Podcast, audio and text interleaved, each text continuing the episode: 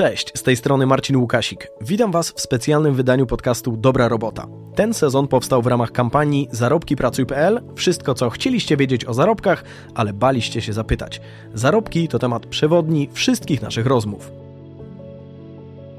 W tym odcinku skupimy się na planowaniu zarobków w dłuższej perspektywie i porozmawiamy o tym, jak zabezpieczyć swoją finansową przyszłość bez względu na wysokość otrzymywanych zarobków. Do tej rozmowy zaprosiliśmy Dorotę Sierakowską, finansistkę i przedsiębiorczynię, analityczkę rynku surowcowego i założycielkę społeczności Girls Money Club. Dorota, zacznijmy od tego, czy wychodzenie w przyszłość w kontekście naszych zarobków w ogóle ma sens. Zdecydowanie tak. Wychodzenie w przyszłość jest z wielu przyczyn korzystne dla naszej kariery. Przede wszystkim warto pamiętać o tym, żeby po pierwsze, wziąć odpowiedzialność za swoją karierę i za swoje plany, bo jeśli my tego nie zrobimy, to wtedy rynek pracy nam to już e, sam zaplanuje i wtedy po prostu inni nam e, nasz czas zorganizują.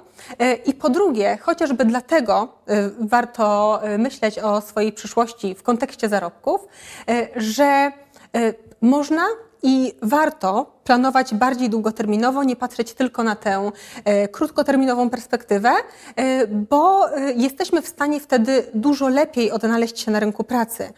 Ogólnie zarobki w bardzo dużym stopniu przekładają się później na nasze możliwości finansowe. Przecież przekładają się na to, ile zaoszczędzimy, czyli na nasze bezpieczeństwo finansowe, ale też nawet idąc o krok dalej, przekładają się na to, ile możemy później zainwestować, też na różne sposoby więc później przyczyniają się też do jeszcze lepszego naszego statusu finansowego. E, a więc nie tylko warto myśleć e, o tych zarobkach w dłuższej perspektywie po to, żeby uniknąć nieprzyjemnych konsekwencji, no, takich jak to, że trudno nam jest e, zorganizować sobie finanse od pierwszego do pierwszego, ale też myśleć o tych pozytywach czyli o tym, ile my możemy zyskać na tym, że myślimy o zarobkach właśnie z większym wybiegnięciem w przyszłość. Chciałem dopytać o ten wątek, który poruszyłaś w kontekście oszczędności. Dlaczego my, jako osoby, które funkcjonują na rynku pracy, dlaczego oszczędności mogą być dla nas bardzo ważne?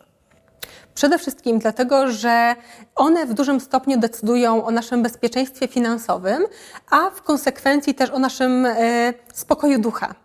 Najzwyczajniej w świecie to, ile my mamy pieniędzy, bardzo często przekłada się na to, jak czujemy się bezpieczni czy bezpieczne w swoim życiu i też na jakie kroki, też na jakie ryzyko jesteśmy w stanie e, później się wystawić. E, co mam tutaj na myśli?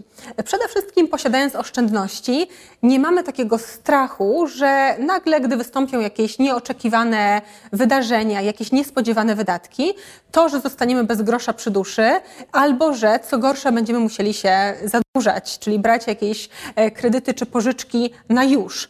To przecież już samo w sobie prowadzi do dużego stresu. Po drugie, y, tak naprawdę patrząc w kontekście zwiększania swoich oszczędności, warto też myśleć o tym, jak duże możliwości to nam daje. Na przykład, gdy mamy większe oszczędności, gdy mamy już zbudowany pewien ich poziom, to wtedy możemy myśleć o czymś więcej. E, jesteśmy bardziej odważni czy odważne, żeby zaryzykować na przykład zmianę branży, zmianę pracy, żeby szybciej się rozwijać, bo powiedzmy sobie szczerze, w tych najbardziej nowoczesnych branżach bardzo często trzeba podjąć pewne ryzyko. Trzeba tak czasem wręcz skoczyć na głęboką wodę, po to, żeby się szybciej rozwijać. A więc ten wzrost oszczędności często daje nam nie tylko bezpieczeństwo, ale też dużo większe możliwości. Mhm. Dorota, a powiedz, dlaczego w kontekście funkcjonowania na rynku pracy jako pracownicy, dlaczego oszczędności są tak ważne? Y, oszczędności są dla nas ważne z dwóch głównych przyczyn. Pierwsza z nich dotyczy naszego bezpieczeństwa i komfortu psychicznego, czyli tego, że gdy mamy jakieś oszczędności, gdy mamy pewną ich pulę, która na przykład pozwala nam e, na zaspokojenie potrzeb na kolejnych kilka miesięcy, to wtedy niestraszne nam są wszelkiego typu nieoczekiwane wydarzenia, e, nadprogramowe wydatki, które powiedzmy sobie szczerze, niestety zdarzają się w naszym życiu. E, I wtedy dzięki tym naszym oszczędnościom nie musimy e, wpadać w zadłużenie, nie musimy szukać desperacko też e, jakichś na przykład dodatkowych zarobków, e, bo nie wystarcza nam od pierwszego do pierwszego. Czyli bezpieczeństwo to pierwsza rzecz. Druga rzecz to większa pewność siebie i większy komfort w podejmowaniu bardziej odważnych decyzji. Gdy mamy większe oszczędności, to wtedy też przez to, że czujemy się lepiej, czujemy się bardziej zabezpieczone czy zabezpieczeni, to chociażby odważniej możemy podejmować decyzje w kwestii naszej kariery, czyli odważniej podchodzić do kwestii zmiany, e, zmiany pracy, do kwestii potencjalnego przebranżowienia. Po prostu jesteśmy w stanie bardziej odważnie myśleć o tym, czego nam potrzeba, i nie myśleć tylko i wyłącznie o zaspokojeniu naszych bieżących potrzeb, jeżeli chodzi o utrzymanie. Chciałbym to trochę skonkretyzować. Z Twojej perspektywy, dlaczego warto planować zarówno zarobki, jak i oszczędności? Dlatego, że wszystko się ze sobą wiąże. Im większe mamy zarobki, im wyższe są nasze zarobki, tym większe w konsekwencji są nasze oszczędności. I tutaj tych y, pozytywów z tego wynikających jest y, bardzo wiele. E, czyli my tak naprawdę myśląc już o naszej karierze i o tym, jak ona się będzie rozwijać przez kolejne lata, my możemy automatycznie e, przełożyć to też na nasz komfort finansowy w przyszłości. Oczywiście nie jest to aż takie proste, dlatego że czasy się zmieniają, dlatego że polityka w danej firmie może się też zmieniać, e, zwłaszcza ta dotycząca podwyżek, ale nie zmienia to faktu, że myśląc o swoich zarobkach i w, e, w takim kontekście, jak je zwiększać w najbliższych miesiącach czy też latach, my de facto też myślimy w ogóle o naszych finansach osobistych. E, I to warto robić z kilku przyczyn. Przede wszystkim najważniejsza z nich to konieczność, i to myślę, że dotyczy nas wszystkich, e, zbudowania sobie solidnej poduszki finansowej, czyli właśnie takich, takiego bufora, bezpieczeństwa, e, takiego, takich oszczędności na nieprzewidziane wydatki. Czasem nazywa się to funduszem awaryjnym. To powinien być nasz pierwszy krok, który jest naszym pierwszym celem, jeżeli my myślimy o zwiększaniu naszych zarobków i o tym, na co przeznaczamy te oszczędności, które z tego wynikną. No ale oczywiście później, gdy już ten cel y, osiągniemy, to możemy iść o krok dalej. Możemy y, właśnie decydować się chociażby na zostanie inwestorem czy inwestorką, czyli na le jeszcze lepsze zarządzanie naszymi pieniędzmi. I to można robić na wiele różnych sposobów. Więc to jest taka drabina od wyższych zarobków biorą się wyższe oszczędności i w konsekwencji one też prowadzą do chociażby większych możliwości na przyszłość. Bo no pieniądz robi pieniądz. Musimy o tym pamiętać. To idąc tą drabiną dalej, powiedz z Twojego doświadczenia, jak możemy ocenić nasze e, zdolności zarobkowe? To znaczy, powiedzmy, dzisiaj zarabiam X, a za rok, dwa, trzy chciałbym zarabiać Y. Jak do tego podejść? Myślę, że oceniając swoje możliwości zarobkowe, musimy wziąć pod uwagę kilka różnych kwestii. Po pierwsze, e, oczywiście to, w jakiej firmie obecnie pracujemy i jakie tutaj mamy jeszcze możliwości. To jest nasz punkt wyjściowy, e, czyli patrzymy, czy też sprawdzamy, e, jaką politykę w zakresie wynagrodzeń ma firma, czy na przykład co pół roku albo co rok możemy liczyć na jakąś podwyżkę albo na jakiś bonus. To bardzo często zależy od branży albo już od konkretnej polityki w danym przedsiębiorstwie. Więc zacznijmy od rozpoznania tego, co mamy najbliżej. Druga rzecz y, to oczywiście spojrzenie nieco szerzej na naszą branżę. Czy nasza branża jest perspektywiczna, czy może już trochę odchodzi w niepamięć? To bardzo często jest ważnym elementem planowania naszych zarobków, bo nawet jeżeli jesteśmy fantastycznym specjalistą czy specjalistką w branży, której jest coraz trudniej na rynku, no powiedzmy na przykład w branży wydawania papierowych magazynów. To może być e, taka branża, która w ostatnich kilku latach pewnie ma nieco bardziej pod górkę, bo przenosimy się do online'u. Nawet jeżeli jesteśmy najlepsi, to może być nam ciężko przeskoczyć pewien pułap. Z kolei są takie branże, które siłą rzeczy się rozwijają bardzo szybko, bardzo dynamicznie, albo są na dopiero wstępnych fazach rozwoju, i to są te branże, w których planując karierę albo planując przebranżowienie, my możemy liczyć na nieco wyższe zarobki. Oczywiście często, gdy są to firmy na wczesnych etapach rozwoju, to ryzyko, które podejmujemy jest nieco większe, ale też e, to, co możemy uzyskać, te zarobki w przyszłości są także znacznie większe. A więc y, powinniśmy też brać pod uwagę tę branżę, bo ona ma kolosalne znaczenie. No i lepiej po prostu rozwijać się w środowisku, czy też negocjować wyższą pensję w środowisku, w którym po prostu wiemy, że firma zarabia duże pieniądze i że jest w stanie tę pensję wyższą udźwignąć. No i w końcu musimy przemyśleć też to, ile sami jesteśmy w stanie z siebie dać, e, jakie mamy stanowisko, e, jak bardzo jesteśmy też skłonni do tego, żeby bardzo dynamicznie się rozwijać. Dlatego, że zwiększanie swoich zarobków często się wiąże z tym, że musimy podjąć nieco większy wysiłek. E, chociażby, no bo przecież nie tylko liczy się staż pracy, myślę, że współcześnie to już e, nie ma aż tak dużego znaczenia, jak właśnie nasze zaangażowanie. E, ale także to, jak bardzo się rozwijamy, robiąc nowe kursy, robiąc dodatkowe projekty, e, też robiąc po prostu wiele różnych rzeczy w kontekście naszego rozwoju, certyfikaty językowe i tak dalej. To są wszystko rzeczy, które wymagają od nas pracy, wymagają od nas czasu, nierzadko również wkładu finansowego, ale później mogą się przełożyć na znacznie wyższe zarobki w przyszłości. E, a więc można powiedzieć, że zaczynamy od naszej firmy i od tego, na co możemy nie mieć aż tak dużego wpływu. Później nasza branża albo branża, do której chcemy przeskoczyć. No i w końcu powinniśmy też pomyśleć o sobie, swoich potrzebach i swoich możliwościach. Trochę już o tym powiedziałeś, ale chciałbym doprecyzować, jak możemy mm, ocenić, co możemy wziąć pod uwagę, czy ten plan nam się po prostu opłaca. Przede wszystkim powinniśmy mm, pomyśleć, jakie są nasze wymagania, czyli czego my tak naprawdę oczekujemy y, od tego naszego rozwoju kariery zawodowej na przestrzeni kilku lat. Bo y, każdy z nas może mieć nieco inne perspektywy i potrzeby. Gdy dopiero zaczynamy, to naszym celem w kontekście trzech czy pięciu lat może być dojście do pewnego stanowiska, z którym wiąże się określona pensja. I my wtedy, mając taki klarowny cel, priorytet w głowie, e, wtedy robimy po prostu, jakby koncentrujemy te nasze działania na tym, żeby do tego celu dotrzeć. Ale może się okazać też tak, że na przykład nie, nie mamy wpływu na wszystko, że my mamy świetny plan, e, ale jego powodzenie nie zależy tylko i wyłącznie od naszego zaangażowania, ale też na przykład od tego właśnie, jaka jest sytuacja w konkretnej firmie, jaka sytuacja w konkretnej branży.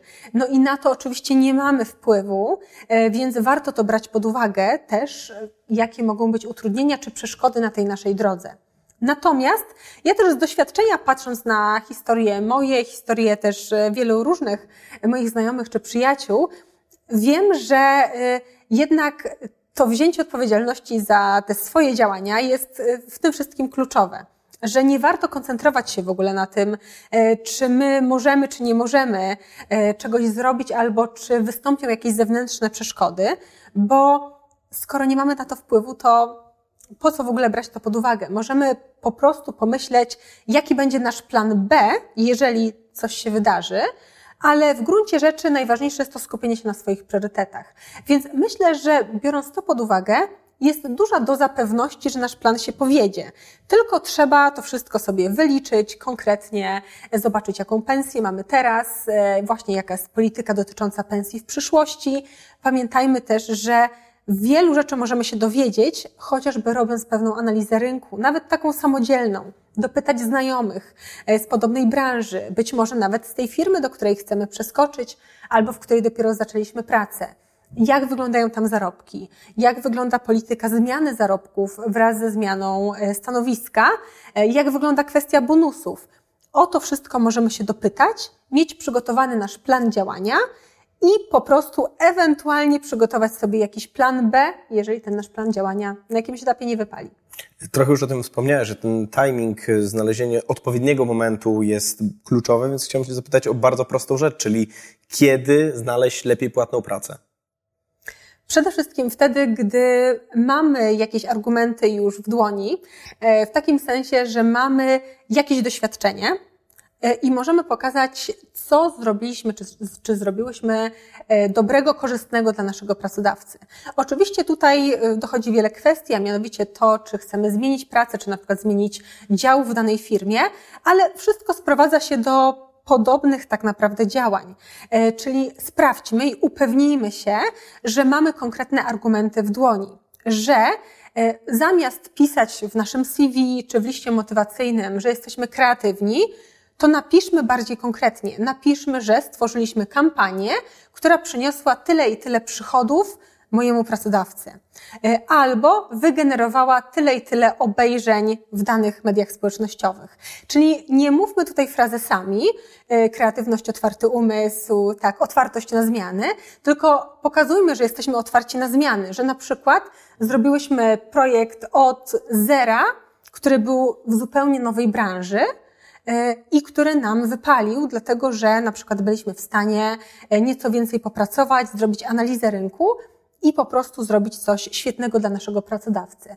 E, a więc e, ta zmiana pracy powinna być e, konsekwencją, a przynajmniej taki najlepszy moment, wyszukanie tego najlepszego momentu, powinno być konsekwencją naszych doświadczeń, żebyśmy właśnie zdobyli już te argumenty i żebyśmy mieli z czym iść do naszego kolejnego pracodawcy, potencjalnego na razie. No i oczywiście też pamiętajmy o tym, żeby uwzględniać, co się dzieje na rynku. Bo gdy mamy do czynienia z trudniejszymi czasami w gospodarce czy w danej branży, to po prostu jest wtedy nam trudniej przeskoczyć e, z jednej firmy do innej. I może wtedy lepszym rozwiązaniem byłoby przemyślenie tego timingu, na przykład odczekanie jeszcze chwili. Dużo tutaj zależy już właśnie od konkretnej branży. Niemniej jednak te nasze argumenty, nasze e, cechy i doświadczenia mogą być najważniejsze w tym całym procesie. Chciałbym Cię zapytać o to, o czym wspomnieliśmy na początku samego odcinka, czyli trochę takie planowanie w dłuższej perspektywie. Jak mogę ocenić i zaplanować moją przyszłość finansową na przykład za trzy lata, biorąc pod uwagę dużo zmiennych, sytuację na rynku, y, rosnącą inflację, rosnące albo spadające moje potrzeby i wydatki? Co powinniśmy wziąć pod uwagę? Przede wszystkim powinniśmy pomyśleć, przejść od takich najprostszych potrzeb, aż do y, naszych największych jakby możliwości, czy też tego, co te nasze zarobki, czy rosnące oszczędności y, mogą nam przynieść też innego, fajniejszego i, związanego z naszym rozwojem. Y, zaczynamy od podstaw, czyli przede wszystkim powinniśmy przemyśleć, jakie są koszty naszego utrzymania obecne oraz na przestrzeni kolejnych lat. Oczywiście nie jest to, to, to tak łatwe zadanie, e, zwłaszcza, że czasy się zmieniają, czasem są lepsze, czasem są gorsze, e, czasem te koszty rosną dość niespodziewanie i trzeba się na to przygotować, ale właśnie po to służy budowanie tych takich wstępnych oszczędności w ramach poduszki finansowej. Czyli to właśnie powinien być ten nasz pierwszy cel, dlatego, żeby stworzyć sobie taką pewną bazę, zarobków, które chcemy mieć w ciągu najbliższych e, kilku lat. E, ta poduszka finansowa to jest właśnie coś, co możemy przeznaczyć na, e, na niespodziewane wydatki, ale też właśnie co nam w pewnym stopniu złagodzi ten efekt, na przykład wzrostu cen utrzymania, kosztów utrzymania w przyszłości. Kolejna rzecz to oczywiście kwestia tego, co my chcemy robić przez te najbliższe lata bo być może zależy nam na przykład na e, zmianie miejsca zamieszkania. I my wiemy, że na przykład za rok chcemy mieszkać w większym mieście i musimy mieć większe e, środki, chociażby na zapłacenie czynszu, e, czy na wynajem mieszkania, jeżeli zaczynamy od wynajmu. No i wtedy powinniśmy to uwzględnić w kosztach, czyli powinniśmy pomyśleć o tym, że ten bufor będzie nam potrzebny, i że my musimy mieć na to pieniądze. No i najlepiej, żeby to nie było tak, że my mamy tylko e, pieniądze, biorąc pod uwagę obecne stawki, bo może się okazać, że za rok ta stawka będzie nieco wyższa. Więc zawsze ten dodatkowy bufor warto mieć cały czas mówię o tych naszych potrzebach, o, tych, o tym naszym punkcie wyjściowym, ale w kontekście planowania tych swoich zarobków w najbliższych latach też musimy myśleć o tym, e, w jakim kierunku będzie się rozwijać nasza branża. Czyli tutaj wracamy do tego tematu, żeby myśleć też o perspektywach w naszej karierze pod takim kątem, że zastanowić się, czy my jesteśmy teraz w dobrym miejscu. Czy my nie chcemy na przykład teraz, gdy być może mamy jeszcze mniej do stracenia, przeskoczyć do innej branży, poszukać lepszych możliwości, albo nawet w tej samej branży nieco innej firmy, która da nam większy potencjał do rozwoju. To wszystko e, tak naprawdę stanowi całe, całe spektrum różnych, e, różnych czynników, które powinniśmy wziąć pod uwagę. A biorąc pod uwagę ten długoterminowy plan, możemy sobie jasno założyć, że jego elementem będzie jedno lub kilkukrotne pójście po podwyżkę? Oczywiście, że tak. E, w ogóle uważam, że podwyżka e, to jest coś, co powinniśmy ogólnie uwzględniać w naszych planach i to z bardzo prostej przyczyny.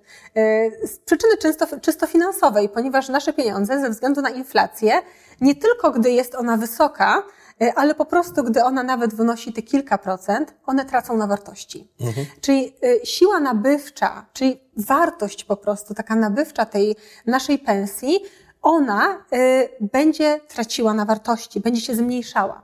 No i to oznacza, że negocjacje w sprawie podwyżki powinny być dla nas czymś naturalnym, bo gdy nie bierzemy tej podwyżki, gdy nie wnioskujemy o podwyżkę, albo chociażby nie zmieniamy pracy, licząc na nieco wyższą pensję w innej firmie, to my de facto sprawiamy, że żyje nam się coraz gorzej. E, a myślę, że to nie jest scenariusz, który przemawia do kogokolwiek. E, więc myślmy o podwyżce jako o czymś naturalnym, o czymś, e, do czego my dążymy na przykład co rok, czy nawet co dwa lata, bo tutaj nie ma takich sztywnych reguł, ale myślmy o tym, żeby ta nasza pensja jednak zwiększała się w czasie, E, I planując naszą karierę, zastanawiajmy się, co na to może wpłynąć. Czy dodatkowe certyfikaty, czy może studia podyplomowe, czy może e, jakieś, jakieś konkretne szkolenie. Cokolwiek tutaj mogłoby nam pomóc, e, być może jakieś zdobycie doświadczenia przy pewnym określonym projekcie.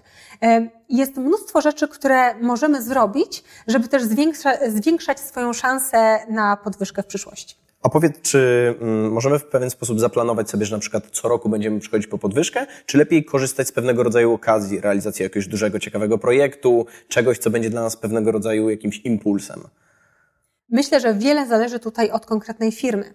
Dlatego, że są takie firmy, które na przykład mają coroczne podsumowania e, i wtedy jest czas na to, żeby otwarcie porozmawiać ze swoim przełożonym czy przełożoną o podwyżce, o tym, co zrobiliśmy w ciągu roku, o tym, dlaczego uważamy, że podwyżka to jest bardzo dobry pomysł i dlaczego nas zmotywuje do dalszej e, świetnej pracy, zaangażowanej pracy.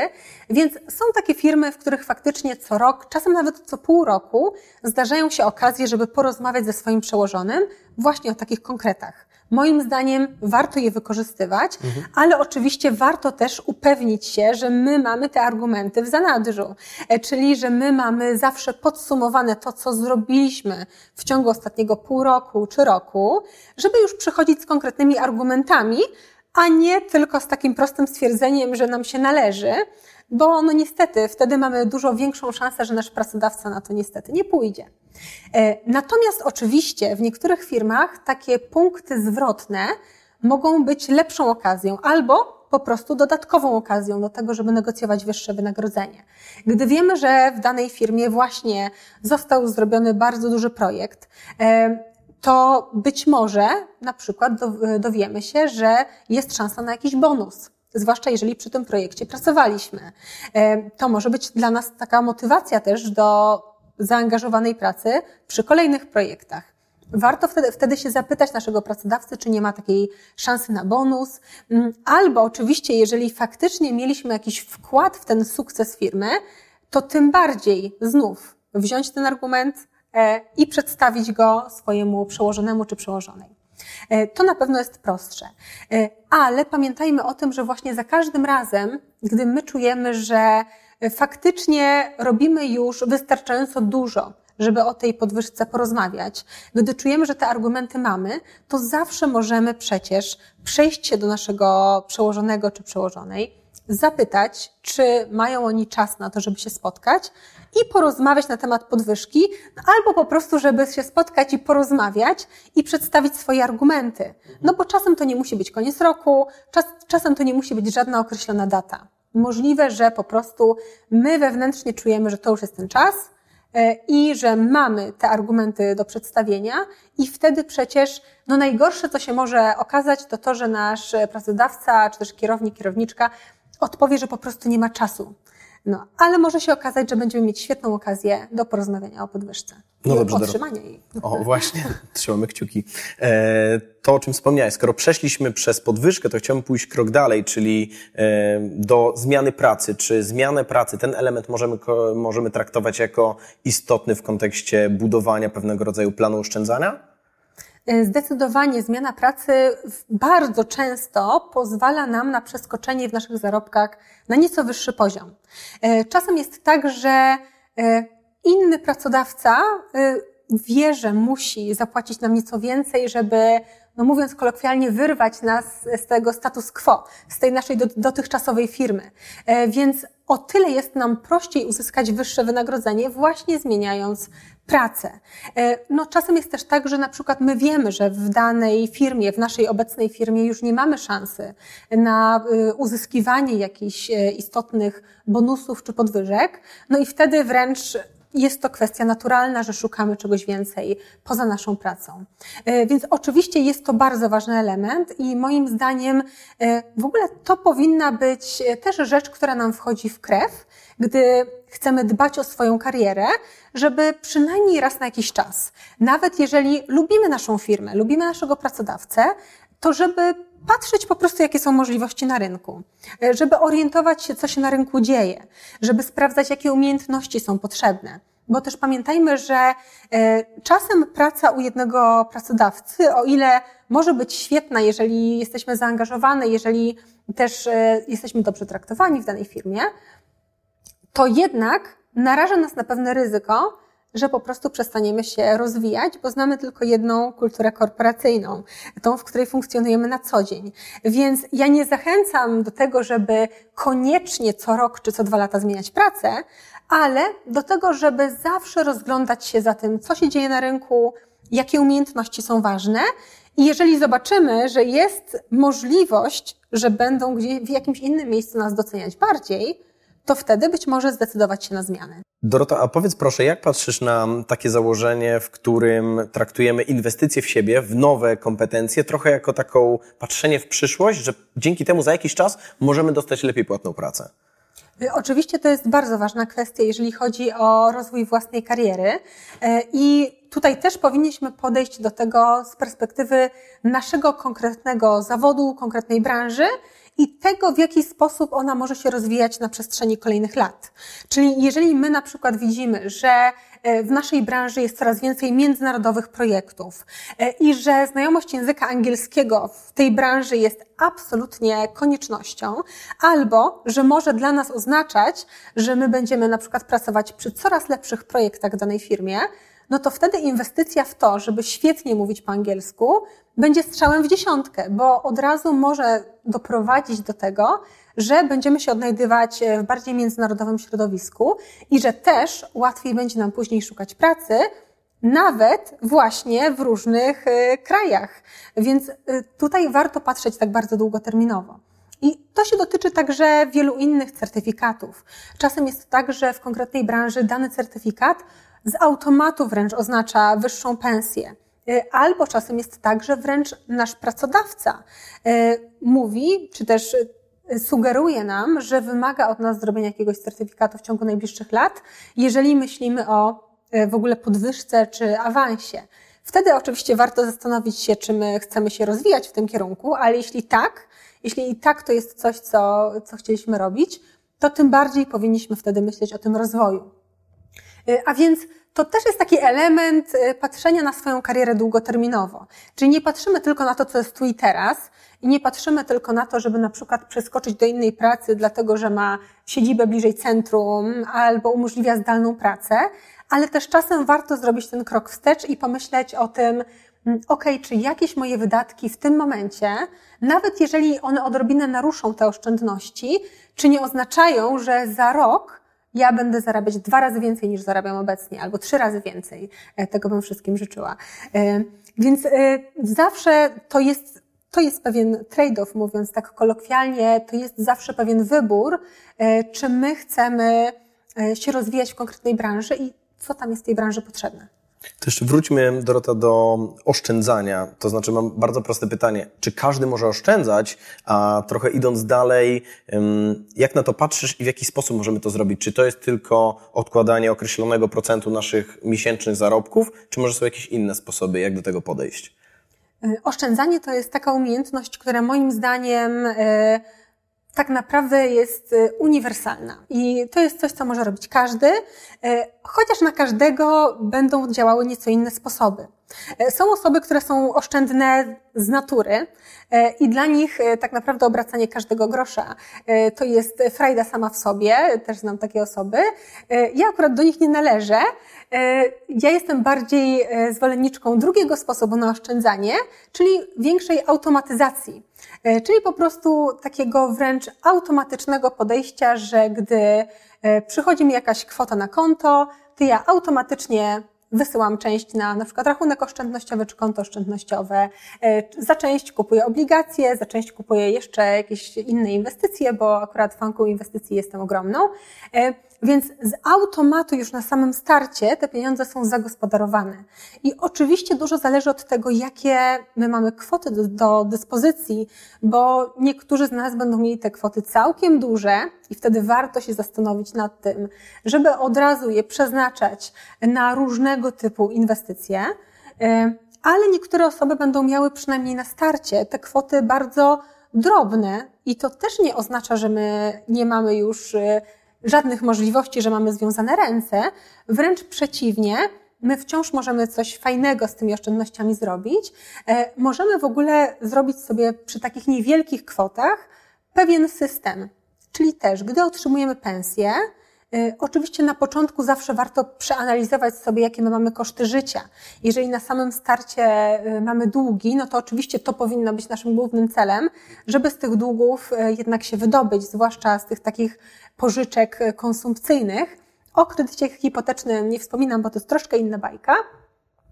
Ale jeżeli właśnie mamy tę przestrzeń do oszczędzania nawet drobnych kwot, to ustalmy sobie, że tuż po otrzymaniu pensji jakaś kwota, nawet te symboliczne 100 zł, może być przeznaczana na jakieś konto oszczędnościowe i na tym koncie oszczędzamy na przykład na wymarzoną wycieczkę, na nowego laptopa, którego zawsze sobie chcieliśmy sprawić, e, czy też no chociażby na ten wkład własny na mieszkanie. Z myślą, że być może później będziemy dokładać już nieco większe kwoty. Możemy też sobie oczywiście w ramach oszczędności e, przeznaczyć pieniądze na nieco inne instrumenty finansowe. E, na przykład mało osób wciąż myśli chociażby o obligacjach detalicznych, które są bardzo proste i bardzo bezpieczne, są takim trochę niemalże odpowiednikiem lokaty, a też są świetnym sposobem na to, żeby odkładać swoje pieniądze i oszczędzać nawet tą swoją poduszkę finansową. Czyli właśnie takie oszczędzanie nawet drobnych kwot, ale z automatu, jako coś, co nam przychodzi naturalnie po przyjściu pensji na konto, to powinien być nasz nawyk i ja uważam, że zwłaszcza jeżeli sobie ustawimy automatyczne przelewy, to w ogóle może to zrobić każdy. Dorota, a jak patrzysz na takie założenie, że tak naprawdę niezależnie od tego, ile zarabiamy, to oszczędzanie po prostu ma sens? Y, jestem absolutną zwolenniczką takiej tezy, że każdy może oszczędzać niezależnie od poziomu zarobków. Oczywiście nie zawsze jest to proste, ale moim zdaniem to ma ogromny sens. I przede wszystkim taki duży sens ma budowanie tego nawyku oszczędzania od samego początku. Czyli tego, żeby ono nam wchodziło w grę, bo gdy na samym początku będziemy odkładać chociażby te 20-50 zł miesięcznie, to z czasem, gdy nasze zarobki zaczną rosnąć, to my będziemy odkładać 100, 200 czy 1000 zł miesięcznie. Więc pamiętajmy, że gdy wejdzie nam to raz w krew, e, to później też będzie elementem budowy dla siebie takiego lepszego, bezpieczniejszego życia. No i przede wszystkim nawet niewielkie oszczędności oznaczają już większe bezpieczeństwo, ale też większą pewność siebie we wszelkiego typu działaniach. I tych dotyczących e, swojej kariery, rynku pracy, e, i tych ogólnie dotyczących wszechobecnego, e, wszelakiego rozwoju. A więc tak warto oszczędzać i nawet zaczynając od małych kwot. Dorota przekonywała nas dzisiaj, że patrzenie na zarobki w dłuższej perspektywie ma sens i w zasadzie każdy może zacząć budować swoją poduszkę finansową, nawet po trochu. Pamiętajcie, że najważniejsze to, że oszczędności dają nam pewnego rodzaju swobodę poruszania się po rynku pracy. Nawet jeżeli pracujemy w jednym miejscu, to warto obserwować zmieniającą się sytuację na rynku, no i warto również pamiętać o tym, że chodzenie po podwyżkę możemy traktować jako cykliczny element naszej współpracy. Dziękuję Ci, Doroto, za wszystkie cenne wskazówki, a Was zachęcam do dzielenia się swoimi przemyśleniami w komentarzach pod tym odcinkiem na YouTubie Pracuj.pl, gdzie również publikujemy te rozmowy oraz w social mediach Pracuj.pl. Do usłyszenia. Słuchaliście odcinka specjalnego sezonu Dobrej Roboty, który powstał w ramach kampanii Zarobki Pracuj.pl.